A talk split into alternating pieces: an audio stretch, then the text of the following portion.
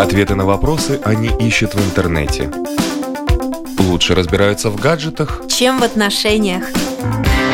Мечтают работать на себя и не бояться конкуренции. Они самостоятельны. экономны, лишены иллюзий. У них другие интересы. Они стремятся изменить мир. И они оптимисты. Такими мы видим их. А какие они на самом деле? Поколение Z. На латвийском радио 4. Здравствуйте, у микрофона Марина Талапина, в эфире программы «Поколение Z», также рядом со мной. Максим Зинкевич, э, режиссер сегодняшней программы Даниэль Йоффе. Э, За операторским пультом Гунтер Сплотис. И тема нашей сегодняшней программы Ха, какая у нас тема сегодняшней программы? В 2019 году вышло в свет 10 тысяч фильмов. Можешь себе представить? То есть в, год вышло фильмов больше, чем часов в году. В году э, часов чуть больше 8700, если не ошибаюсь. И как это все посмотреть? И как это все посмотреть? А на этой не- неделе буквально назад э, произошло еще одно мероприятие, которое тоже оставило след э, в истории киноиндустрии. Была вручена премия Оскара. Оскара, да, и мы решили, что ну не можем мы тоже не поговорить о кино, и потом собрали сегодня классную команду, и будем разговаривать о кино. И тема нашей программы Я малолетний киноман.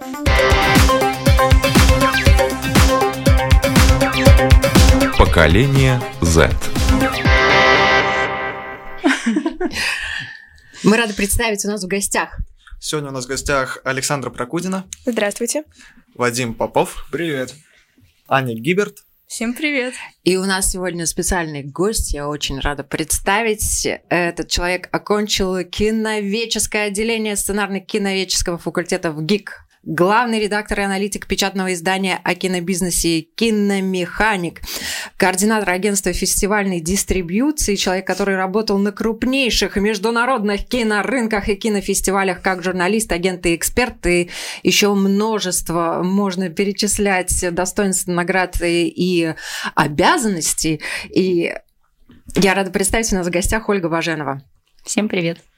Спасибо большое, что пришли. Вот, Оль, э, раз уж вы попали э, к нам в гости, Давайте. вообще сколько э, фильмов в год вам по долгу службы приходится пересматривать? А, Довольно много, потому что я работаю в агентстве по продвижению фильмов на международные кинофестивали.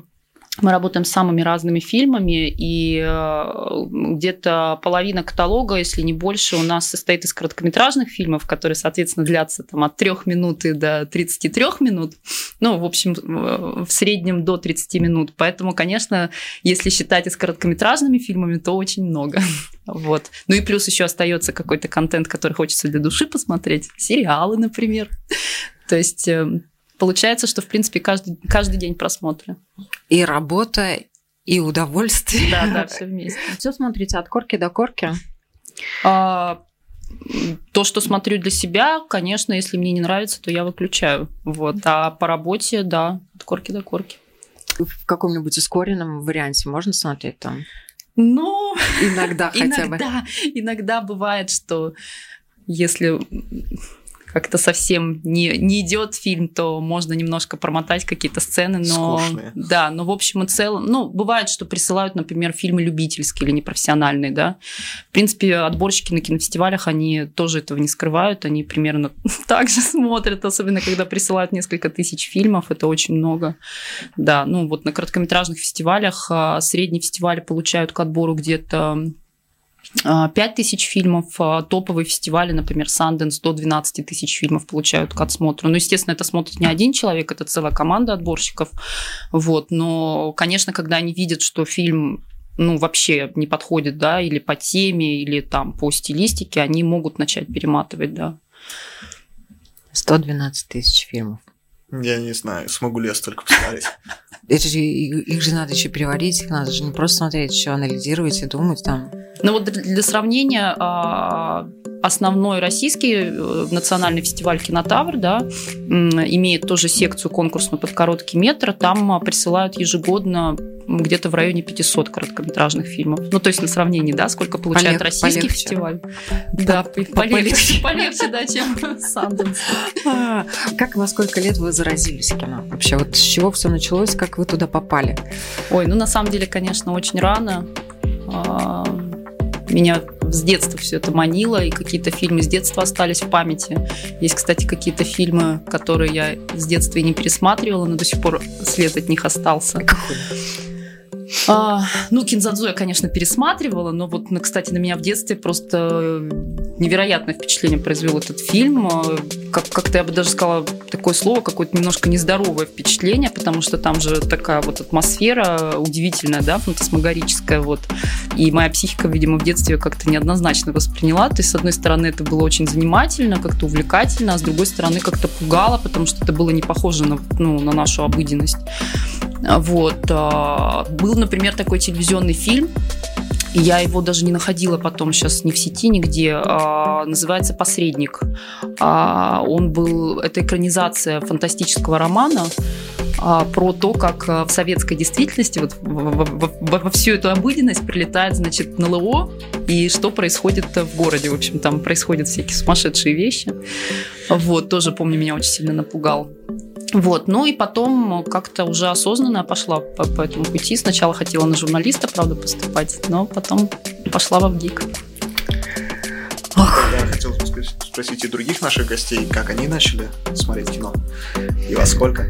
Ну вот сколько себя помню, так это и было. Все начиналось с маленького канала Николодион, когда я была маленькая у бабушки, это было постоянно.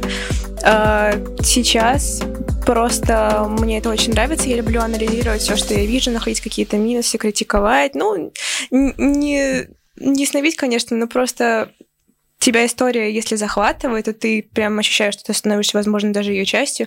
Если это действительно какая-то достойная работа, то вообще не жалко никакого времени потратить. Да, я тоже начинал с Николодина, с Дрейка и Джоша. Это был сериал. Боже, это же прекрасно! Это, я, я его недавно пересмотрела, извини. Да. А потом, я помню, по каким-то причинам Николодин перестал работать на телеке. И я начал листать каналы, в основном ничего, кроме мультиков, я не мог найти. И типа, Cartoon Network, окей, ладно, тоже мультики, Бентен. А потом мне стало интересно, вот что еще есть, что взрослые там смотрят. Ну, в плане... А взрослые чего только не смотрят. Взрослые, наверное, которые смотрят, сейчас подумали, о боже, что же он нажал. Более реалистично. Там уже люди настоящие, и в основном я попадал на какие-то боевики, там взрывы, перестрелки, вау, круто, эффектно. Но я не особо понимал, что происходит, а потом вот со временем появилось желание более осознанно посмотреть фильмы классику такую признанную. Угу. И что запало в твою душу из классики? Форест Гамп. И еще мне очень понравился бойцовский клуб и крестный отец. Ну, у меня до класса четвертого, наверное, в принципе, не было детских каналов. Единственное место, где я смотрела, это были либо друзья, либо у бабушки, но в начальной школе я уже не так часто у нее бывала. И обычно э, я смотрела мультики в садике дома на кассетах. У меня были кассеты «Ну, погоди», там «Кот Леопольд», но это совсем до трех лет, наверное. И любимые кассеты у меня был «Шрек», первая часть. А сцена с когда Фиона поет, и птица взрывается, каждый раз доводила меня до слез. Это помнят даже мои родители. И, ну, после кассет появились э, диски у меня, то есть я их даже коллекционировала. А сейчас это наверняка все где-то на даче на чердаке, потому что, ну, действительно жалко выкидывать. И вот, наверное, как раз-таки тогда мне это все полюбилось. То есть, ну, у тебя есть диски, ты сразу видишь картинку к мультику или к фильму. И обычно мне это все покупал папа, и мы как-то вместе просматривали. Поэтому Наверное, папа привел мне любовь к этому. Да, у меня папа заставлял меня смотреть фильмы с самого маленького возраста, почти как я научился говорить. В года три, по-моему, я уже посмотрел все Звездные войны до дыр. Ну, а смотреть мне нравятся очень разные жанры. Единственные жанры, наверное, которые я не очень люблю смотреть, это мюзиклы. Ну, тяжело следить за событиями. А так, экшен, драмы, комедии, боевики. Все что угодно. А что нашим гостям нравится смотреть? В принципе, тоже любой жанр, если это хорошая работа. Ну, вот единственное то, что мне нравятся ужастики, но очень сложно найти хорошие ужастики, чтобы там не было ничего предсказуемого, чтобы там все было классно изображено, это практически нереально. В какой-то момент вот я тоже для себя открыла, есть же такая штука, как интернет, и теперь на телевизоре не нужно ждать там, не знаю, два дня, чтобы посмотреть какой-то фильм или серию определенную сериала, и вау, конечно, это вот ночами я не спала. Ну, да. Я люблю тоже все, даже мюзиклы. Например, La La Land. Очень О. хороший фильм. О, да, И. Мама Мия. Даже ничего. О, Я думаю, что любой фильм, для него есть своя обстановка. Например, есть фильм более простой, ну, тупой, там нет замысловатого сюжета и глубоко прописанных персонажей, но его приятно посмотреть в компании друзей, повеселиться, или задуматься и посмотреть такой глубокомысленный трехчасовой Ирландец. фильм. Ирландец, да. Ну, вообще, любой фильм Скорсезе. Да, Скорсезе мощный режиссер, ничего не скажешь. А, Я тоже всеядна абсолютно. А, Но в душе я все-таки, конечно, люблю фантастику. То есть я люблю, ну и, и камерные фильмы, и блокбастеры с большими бюджетами. Сейчас вот очень жду новый фильм Дани Вильнева «Дюна». Люблю, конечно, и старый фильм а, Дэвида Линча, который он, кстати, сам считает неу- неудачным.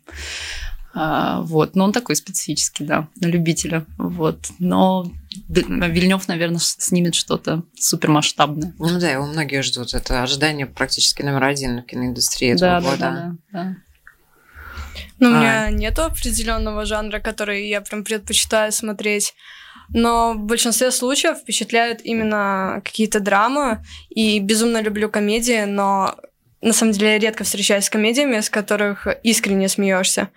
Вообще еще нравятся черные комедии, потому что а, они как-то действительно больше пахнут комедией, но потому что э, там не только вот такой тупой юмор, как там в, в обычных таких американских подростковых фильмах. А, но я не говорю, что они все плохие. А, а там как-то бывает с каким-то подтекстом что-то. Ну, не каждый поймет. То есть и в три года я это не пойму. В 10 тоже. Ну там есть вообще ограничения по возрасту. Да. Ну, и в этом плане тоже, но иногда ограничения все-таки приходится соблюдать. Я не помню, когда я последний раз смотрела фильм, который вот мне можно смотреть. А в кинотеатрах э, спрашивают э, Документы. документ при Да, покупке но билетов? обычно это на фильмы с R-рейтингом просят показать какой-нибудь эталончик, что вам хотя бы 16 лет есть. Но я ни разу не сталкивалась с тем, чтобы спрашивали, сколько мне лет, учитывая то, что я, в принципе, выгляжу младше. Иногда даже с родителями не пускают. Я знаю историю. Вот был Логан, фильм с рейтингом R, но очень популярный, все хотели его посмотреть. И семья наших знакомых, значит, пошла с детьми. Ну, дети, детям было по 14-15 лет, и их не пустили. Родители пошли, а дети остались ждать около кинотеатра. И у меня была похожая ситуация. Э, Показывали в кинотеатре концерт одной группы, которая мне очень нравилась, и моему другу. Мы подготовились, купили билеты чуть ли не за месяц, пришли радостные. Фильм «16 лет вам нельзя». Мы пытались договориться, пожалуйста, пустите, стояли около дверей в, кин- в зал и слушали, и нам говорят, давайте, ребята, идите. А Всё. вам удалось перепродать эти билеты? Или... Мы пошли на кассу, и нам получил, мы смогли договориться так, чтобы нам их обменяли. А что за группа, если не секрет? Слепнот. А, понятно. А, раз уж мы затронули кинотеатры, я могу задать злободневный вопрос. Как вы относитесь к ценам в кинотеатрах? На попкорн, на билеты? Ну вот мне казалось, что у нас дорого, а потом я сходила в кино в Германии, и знаете, у нас еще нормально. Но это, конечно, тоже кошмар. Лучше дома. В разных кинотеатрах, конечно, есть разные э, варианты, как э, сделать э, финансовую нагрузку на кошелек зрителей поменьше. Но, тем не менее, это не мешает вам ходить в кино, и вы уже, наверное, расставляете приоритеты. Вот, это вот, э, вот этот вот фильм я обязательно посмотрю в кино. Да, вот э, тот фильм, на который вы сто процентов пойдете в кинотеатр. Ну, у меня Да. так было последний раз только с одним фильмом. Это вот единственное, что я помню. Вот с, Джок- с Джокером я очень хотела посмотреть его в кино. Но вот я это сделала, и я не жалею, что я, пос- что я сходила в кино. Девятый эпизод Звездных войн. Я с другом был в кинотеатре, и перед началом фильма показывали трейлеры. Мы смотрим, и вот на это мы идем. Обязательно. Ну, Я всегда хочу сходить на фильмы от Marvel или от DC, потому что дома вообще не та атмосфера. Ну, то есть эти фильмы надо смотреть на большом экране. Но также бывают фильмы, которые просто хочется посмотреть. То есть ты был где-то в кино, увидел трейлер, все, вот на это я пойду. Правда, конечно, в 90 случаев, э, в 90% случаев ты забываешь об- о том, что хотел сходить. А, Но, в принципе, да, я планирую и правда хочется сходить. Но если идти без друзей, без кинодрузей с карточкой особой, то это, конечно, дорого. И попкорн уже, ну, давно мы не берем. То есть у всех всегда есть рюкзак, который можно сложить. Не знаю, законно это или нет. Нет. Ну, по правилам кинотеатра нет. Ну, Правила попкорн созданы, чтобы нарушать их. Да услышат нас, да, владельцы кинотеатров всех. Не будут шмонать рюкзаки. Нет, понизить цену на попкорн. Я это имела в виду. Оль, вот э, то, что касается тех фильмов, на которые ходят, это пиар правильный. Правильная, хорошая раскрутка фильмов. Ну, конечно, все проекты закладывают э, рекламный бюджет серьезный на продвижение. Другое дело, что он сильно разнится у мейджоров, у дистрибьюторов крупных, да, и у независимых э, дистрибьюторов, и у независимых проектов. А, у них, конечно, нет таких мощностей. Они, например, не могут там купить рекламные слоты на федеральных каналах, я не знаю.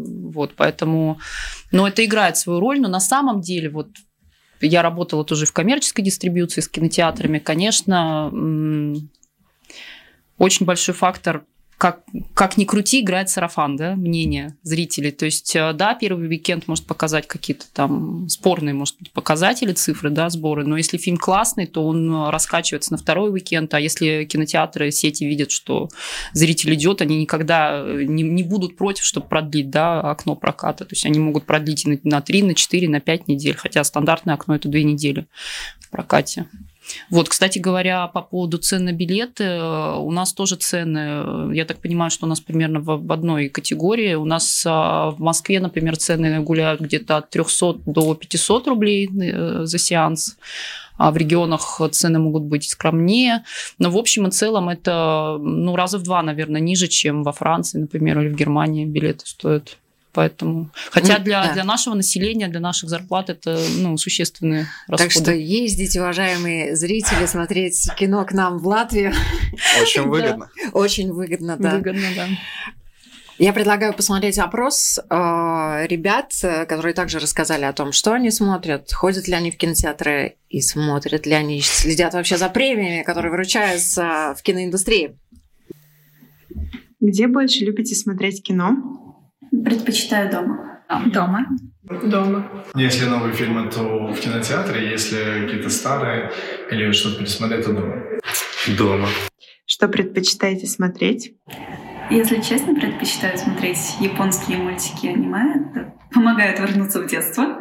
И иногда, иногда мелодрамы, потому что ну, помогает выйти эмоциям. Иногда хочется поплакать. Про комедии, мелодрамы.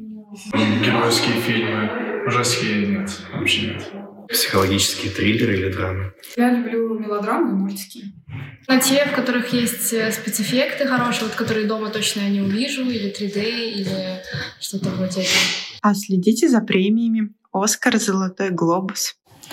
Нет, но когда была ситуация с Ди Каприо, наверное, очень многие смотрели.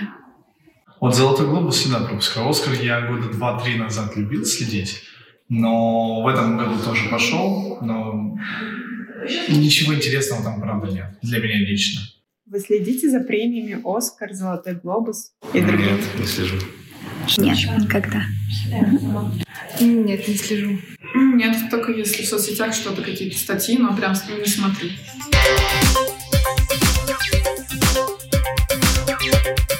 Поколение Z. И снова здравствуйте, в эфире программа «Поколение Z». И, э, как всегда, напоминаю, вы нас можете видеть э, на таких платформах, как Facebook, Instagram, YouTube и, конечно, на нашем э, радиоканале и сайте www.r4.lv. Ребята, я думаю, все знакомы с таким событием, как Оскар. Мы о нем уже ну, сказали, что событие это произошло. Еще и Бафт произошло, еще и Золотой, Золотой глобус, глобус. еще огромное количество разных премий произошло. Это Оскар, наверное, такой как, как точка. Кульминация, да. Кульминация. Ну и как вы относитесь к результатам за год? Есть ли какие-то позиции, которые вы бы хотели, может быть, оспорить или считаете незаслуженными какие-то? На- Ну, текущий Оскар же стал, э, так сказать, феноменальным отчасти, да, потому что все основные премии ушли паразитам, корейскому фильму. Ну да. Первый раз. Это э, нонсенс, э, и, в принципе, даже в интернете многие шутят, да, что при об- об- объявлении номинации у многих знаменитостях, э, в общем, выражение растерянности на лице образовывалось, когда они слышали результаты. Вот. а, Но, в принципе, если брать всю историю Оскара, да, то такие прецеденты были. 92-летнюю, напомним, да? Да, вот, поэтому, но, но в современной истории это такой первый яркий случай, поэтому, конечно, ну, пока непонятно, что, что, какие двери это откроет в будущем. Но понятно, что за, за такими, скажем так, решениями, результатами стоит целый ну, стоит бизнес, э, кинобизнес, стоят определенные силы, определенные течения, продюсеры. То есть это, конечно, не, не происходит совсем так из воздуха. Ну, премии Оскар вообще достаточно сложно было удивить. Они действительно завершают э, вот эту гир- гирлянду, череду премий, которые вручаются э, различным э, фильмам, да, и везде, в принципе, одни и те же фигурировали фильмы э, на многих премиях и в «Золотом глобусе», например, там Дж- Джуди за главную роль получила, да, э, и... Великолепный Хоакин Феникс за Джокера. Да, да, то есть... э, Брэд Питт, конечно же. Да. Брэд Питт тоже За него, вто- за него все рады просто. Кому бы вы премию не вручали? М, Лучшего фильма за год «Паразиты». Ну, как бы, я, я считаю, что были и более лучшие претенденты. Например, Например? «Джокер» или «Однажды в Голливуде», но мне кажется, это было лучше. Э, И вообще очень странно, что за, за всю историю Оскара, например, такой режиссер, как Тарантино, или актер, как Ди Каприо, где их где Оскар? Где? Да, у Почему? них уже есть, все нормально. Тарантино за сценарий. Ди Каприо уже получил. Да, Оскар. у него, на- у него полочка уже занята. Ну, я удивлена была, в принципе, дважды. Первый раз это, что Оскар получил «Паразиты», и что Оскар не получил «Джокер». Хотя я очень не хотела, чтобы э, Джокер получал Оскар. Почему?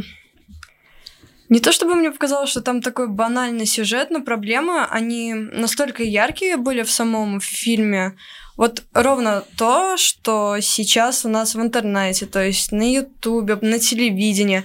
Самые яркие проблемы. Проблемы общества, проблемы личности, вот, э, что Джокер сам с собой не мог, э, ну, наладить связь. То есть, ну, Экзистенциальный да. Не в состоянии человек И- себя контролировать. Вот мне как раз-таки казалось, что из-за такой актуальности темы именно Джокер получит Оскар. А я сама была, на самом деле, за кролика Джоджо а, по разным причинам. Одна из них это то, что этот фильм просто заставил смеяться и от слез, ой, заставил плакать и от смеха, и от э, грусти. Ну, то есть на контрасте. Эмоциональные американские горки. Да. А я был не согласен с тем, что не дали Оскар Скарлетт Йоханссон. Да. Мне кажется, обе роли, за которые она была номинирована, просто прекрасные. И ну, она обязательно должна получить. Иметь номинацию в лучшей роли первого плана и роли второго плана, ну, это намек на то, что год был продуктивным, и она все-таки заслужила. определенно. В «Кролике Джоджо» она очень хорошо сыграла. И сцена, где она притворялась отцом мальчика, кто смотрел фильм, тот поймет, была очень сильная, очень хорошая. А у меня к тебе вопрос. Твой вопрос к тебе. Мой же вопрос мне? Да, кому бы ты не выручал? А, даже не знаю. Мне кажется, что в целом все достаточно справедливо. Паразиты я, наверное, немного не согласен. Всегда была рубрика лучших иностранных фильмов, и оттуда особо не вылезали эти фильмы, там и сидели. И Кролик Джо-Джо, мне кажется, к нему придраться достаточно тяжело, поэтому я тоже за него скорее проголосовал бы. А мне кажется, брачная история могла бы получить Оскар. Потому что этот фильм, он максимально приближен к реальной жизни, и он тоже затрагивает проблемы, я думаю, с которыми многие сталкивались. Ну или столкнутся в будущем. Да, просто, возможно, брачная история фильм не для всех. Не думаю, что некоторым людям будет интересно смотреть на то, как замужная пара ругается. Ну, я, например, это вряд ли произойдет в моей жизни. Надеюсь, не произойдет. Тем более этого не происходило. Но мне фильм очень понравился и оставил сильное впечатление. Ну, лучшая актриса второго плана все-таки из брачной истории получила. Так что они немножечко заслужили. Заслужили, да. В американской индустрии, конечно, мне кажется, наибольшее разочарование было касательно фильма 1917. То есть для американцев, мне кажется, для гильдии именно этот фильм был одним из самых сильных претендентов. И Сэм Мендес вообще, конечно, отличный режиссер. Вот, поэтому то, что этот фильм не получил вот каких-то основных наград, для них было, я думаю, большой неожиданностью. Ну, вот. Я не знаю, это как-то компенсировалось, не компенсировалось вообще? Учитывается то, что вот там они 7 из 9 наград на Бафте, например, получили? А, ну, действительно, перед Оскаром, а, даже помимо Глобуса и, а, ну, Бафта это британская премия, а, в Америке, я имею в виду, проходит целая череда, череда вообще премий различных, а, штук пять, наверное, их подряд идет. Плюс параллельно проходят еще крупные кинофестивали, например, прямо перед Оскаром а, за месяц проходил крупный фестиваль в Санта-Барбаре, куда тоже привозили всех актеров, и Брэда Питта, и Рене Зельвегер, и фильмы все эти показывали. То есть там вся индустрия работает, скажем так, да, вот на, на Оскар, на эту кульминационную точку. Поэтому действительно как-то они отчасти по-разному вручают призы, но при этом, если посмотреть, лидеры, они, ну, очевидно, были изначально, то есть особенно по актерам, да, Хакин Феникс везде получил, Рене Зельвегер почти везде получили. Ну, например, актерские номинации фактически были неизменны. Ничего да, не да, менялось, да.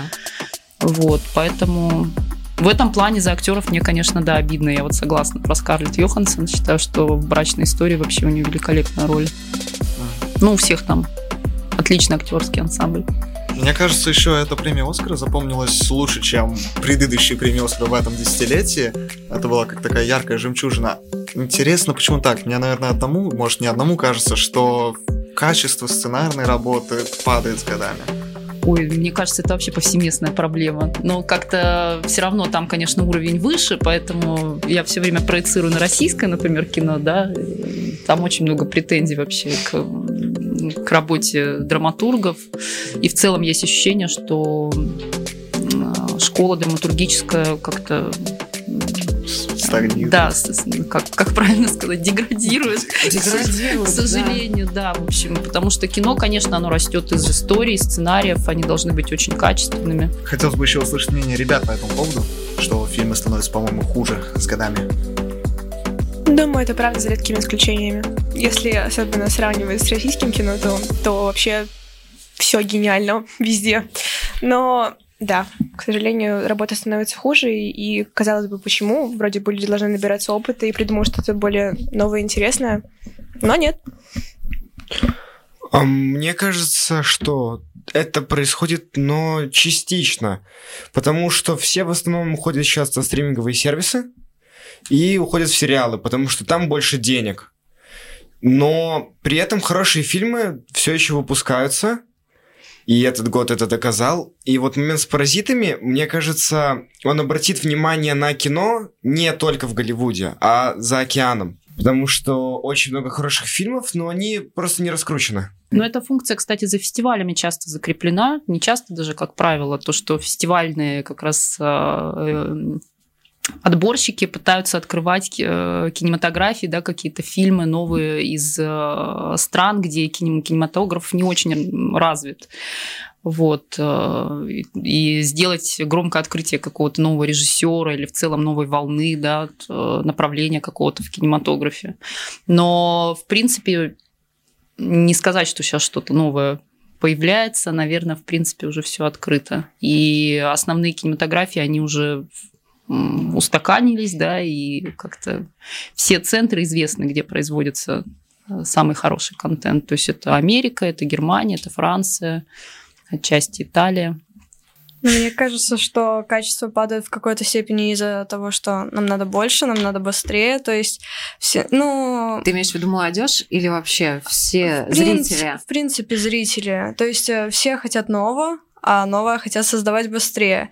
И то есть э, нет времени для идеи, ну, придумать идею режиссеру в каком-то плане.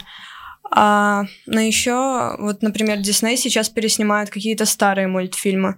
Меня это на самом деле удивляет, и тоже Король Лев я посмотрела абсолютно то же самое по факту.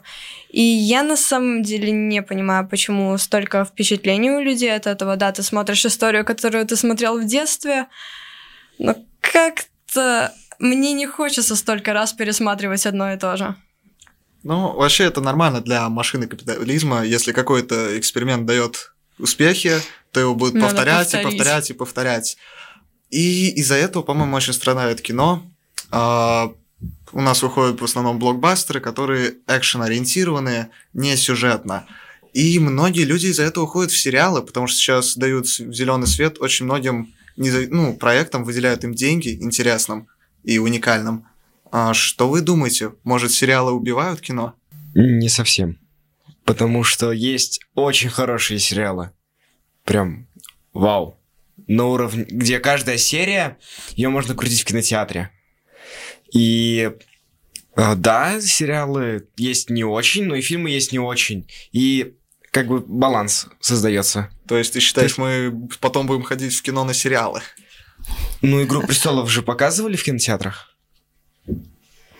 Я не знала. Да, я да, тоже. Да. Доктор Кто у нас показывали тоже в кинотеатрах. А. Золотой глобус, там же тоже вручались э, премии сериалам, да, телевизионный да. формат и э, широкоэкранное кино, да. Меня немножко удивляет э, пересечение по тем же темам, да, The Morning Show, утреннее шоу и mm-hmm. скандал. Mm-hmm. Тема одна и та же, но сериал мне понравился, если честно, больше. Да, согласна. Сериал очень неплохой, и э, там действительно динамика развивается от первой серии к финальной. Я бы сказала, что финальная серия вообще такая мощное драматическое произведение получилось сделать. А скандал, ну, мне кажется, к сожалению, что это больше такое кино по повестке, скажем так. Ну да, по повестке уже по прошедшей повестке. Ну да, да, которая уже достаточно давно обозначена, и, в принципе, она в жизни уже, главное, да, каким-то образом реализуется.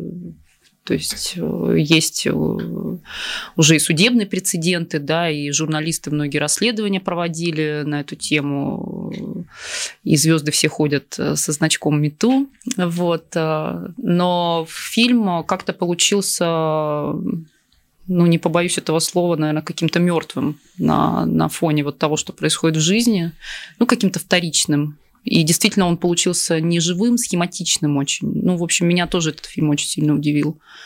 И э, то, что его номинируют, ну, возможно, какая-то конъюнктура определенная. Потому что как художественное произведение, э, ну, большинство критиков считают, что это слабый фильм. Но это вот действительно хороший пример, когда сериал э, намного более живой, какой-то животрепещущий, мощный получился, чем полнометражный фильм. Мне хочется узнать вообще, как вы находите информацию о фильмах, сериалах, кино, которое посмотреть и порекомендовать, может быть, потом своим друзьям. Ну, я свое, э, свое внимание в последнее время гораздо больше обращаю на сериалы. Мне они, как правило, гораздо больше нравятся. И да, я согласна с тем, что сейчас э, фильмы уступают сериалам, в основном за редкими какими-то исключениями. Эм, так что да, сериалы, советы знакомых. А как ты находишь сериалы? Рекомендации в основном. У меня папа весь вообще вот в этом вот всем. Многие знакомые тоже. Вот, так что. У меня практически каждый вообще друг, э, каждый человек, вот я спрошу, что посмотреть, мне выдается огромнейший список всего, что вообще возможно, и, как правило, мне нравится все. Ну. Я часто иду на MDB смотреть рейтинги каких-то сериалов, и тогда узнаю, какой буду смотреть. Ты всецело доверяешь этим рейтингам? Нет, не всецело. И можно доверять этим рейтингам? Конечно. Ну, они отчасти субъективны, но отчасти повторяют друг друга, то есть э, демонстрируют то, что есть все равно какая-то общая иерархия, да, сложившихся оценок. Иногда большой соблазн посмотреть как раз-таки что-то с низкими рейтингами. Ну, не совсем в ноль, но, но не на девяточку, так скажем. Ты экспериментатор.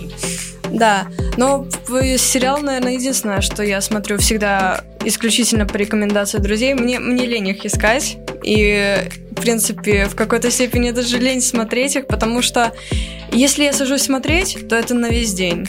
То есть... До конца. Да, мне, мне тяжело остановиться. А фильмы я очень часто искала раньше по музыке, то есть э, э, какие-то конкретные композиторы были. И я специально смотрела, в каких еще фильмах, ну, каким еще фильмам они писали музыку. И, ну, преимущественно это были какие-то фильмы наподобие Гарри Поттера, то есть э, всем известные темы. Я смотрела фильмы с композитором Ламаром, э, если я не, не ошибаюсь, французского происхождения. И вот как-то так. А, ну и... Очень интересный принцип, подход да. к выбору. Ну, просто я считаю, что музыка в фильмах играет очень важную роль. В принципе, в любых. И, ну, да, конечно. и то есть даже Оскар выдается за, за лучшую, лучшую музыку. музыку. То есть ты согласна с тем, что Джокер ее заслуживает? А, я... Музыка в Джокере. Наверное, да. Я не посмотрела все оскаровские фильмы, поэтому сложно сказать.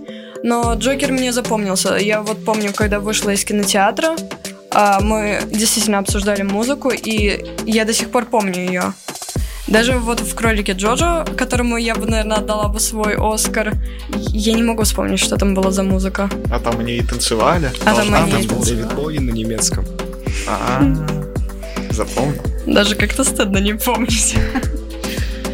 Я нахожу фильмы очень часто по принципу, вот я посмотрел фильм какой-то любой, мне понравился актер. Смотрю, где снялся актер.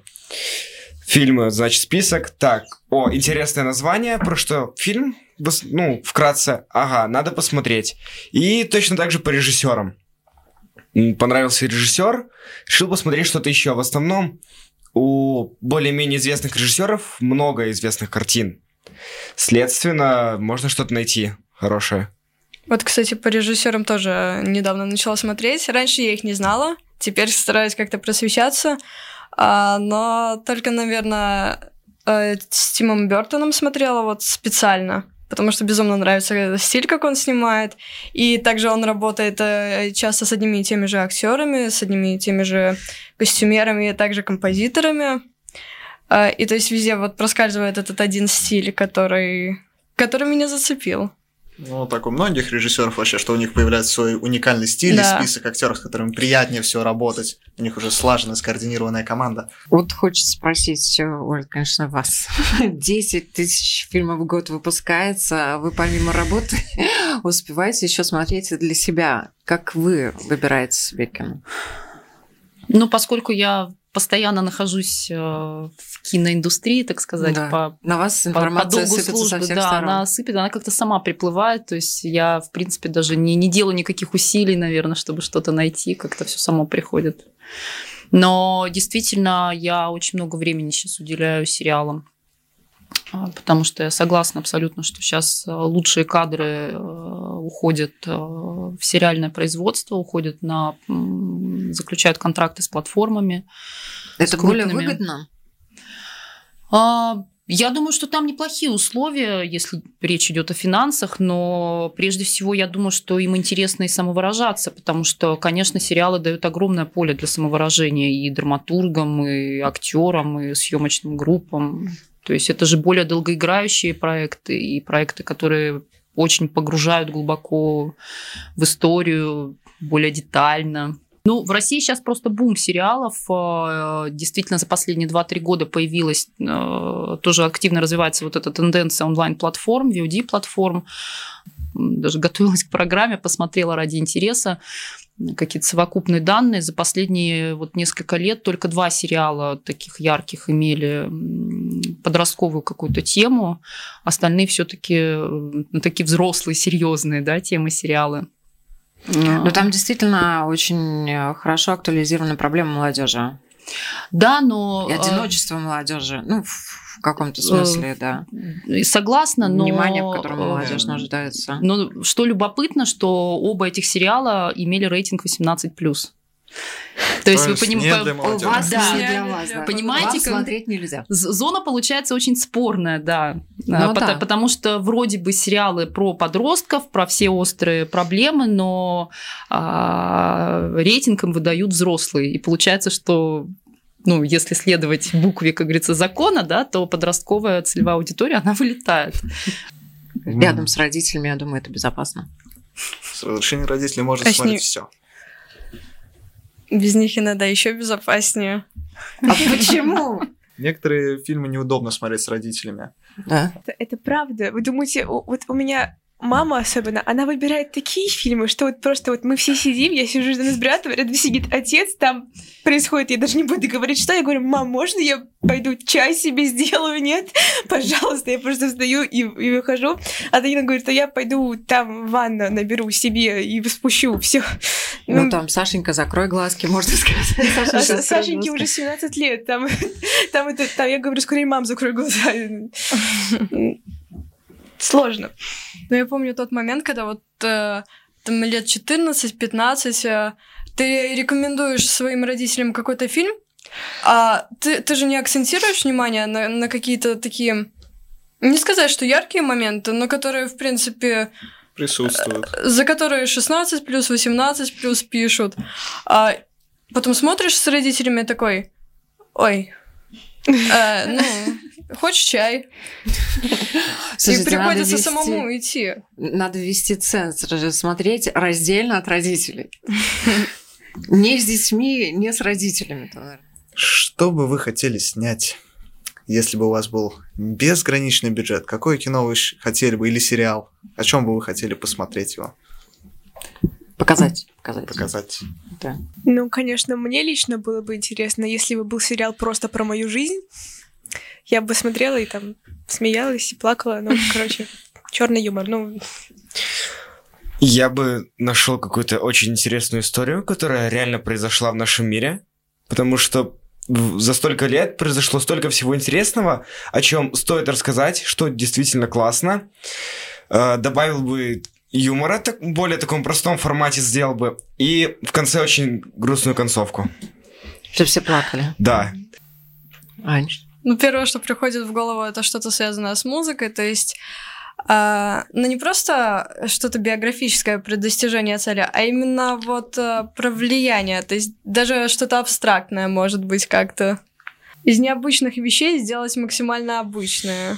Э, Или же наоборот, то есть взять а, элементарные вещи, там, не знаю, стакан, да, Э, и на тех же стаканах а, могут играть музыку. И вот примерно так же показать это, как это влияет на наши эмоции и, в принципе, на каждый день. Ольга, а что вы бы хотели бы видеть чаще? Видеть или снять? Снять. Снять. Снять. Вот, снять как раз я все-таки бы отка- сказала снять. Отказались. Честно, вообще не хочу даже думать про режиссуру. вообще не мое. Но я бы хотела написать книгу в будущем. Вот, и, возможно, по ней будет сценарий. Вот такая А мечта у меня чём есть. книга? А, ну, естественно, я хочу написать что-то в духе sci-fi, научной фантастики. И я хотел бы задать еще один маленький вопросик о ожиданиях от грядущего, ну, уже наступившего года. Чего вы ждете? В фильмах, сериалах? Ну, вроде бы Тарантино должен снять свой последний десятый фильм. Мне вот интересно, что там будет. Я надеюсь, это Kill Bill 3. Начало четвертой фазы Марвел. Потому что я не знаю, что планируется в этом году, но точно знаю, что Марвел что-то выпустит. Интересно, что будет дальше. Фильм про черную вдову будет. Я, наверное, жду больше зарубежных фильмов, познакомиться с какими-то новыми режиссерами, потому что думаю, что паразиты будут толчком. Для К, к выходу корейских режиссеров на мировую Ну, не- арену. Ну, не только корейских. Ну, какое-то новое слово, однозначно, наверное. да. Пускай и какая-то калька в чем-то с Голливуда того же, но что-то новое. Да, возможно, какие-то новые проекты или там совместные работы. Вдруг Тарантино что-то с корейцами. А если бы мне дали много-много денег, я бы их отдала талантливым э, режиссерам-сценаристам и попросила снять их э, немое кино. Потому что вот... Вернуть жанр, давно потерянный в истории. Нет, потому что Чарли Чаплин, знаешь, что сказал? Он сказал, как жаль, э, что немое кино кануло в лету. А почему? Потому что было такое удовольствие смотреть на женщину, когда она открывает рот, а звука не слышно. Всем хорошего дня!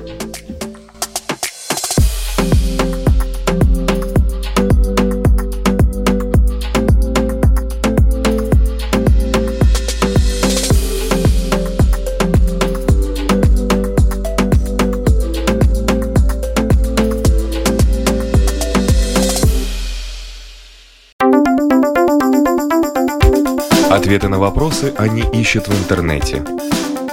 Лучше разбираются в гаджетах, Чем в отношениях? Мечтают работать на себя и не бояться конкуренции? Они самостоятельны. экономны, лишены иллюзий. У них другие интересы. Они стремятся изменить мир. И они оптимисты. Такими мы видим их. А какие они на самом деле? Поколение Z. На латвийском радио 4.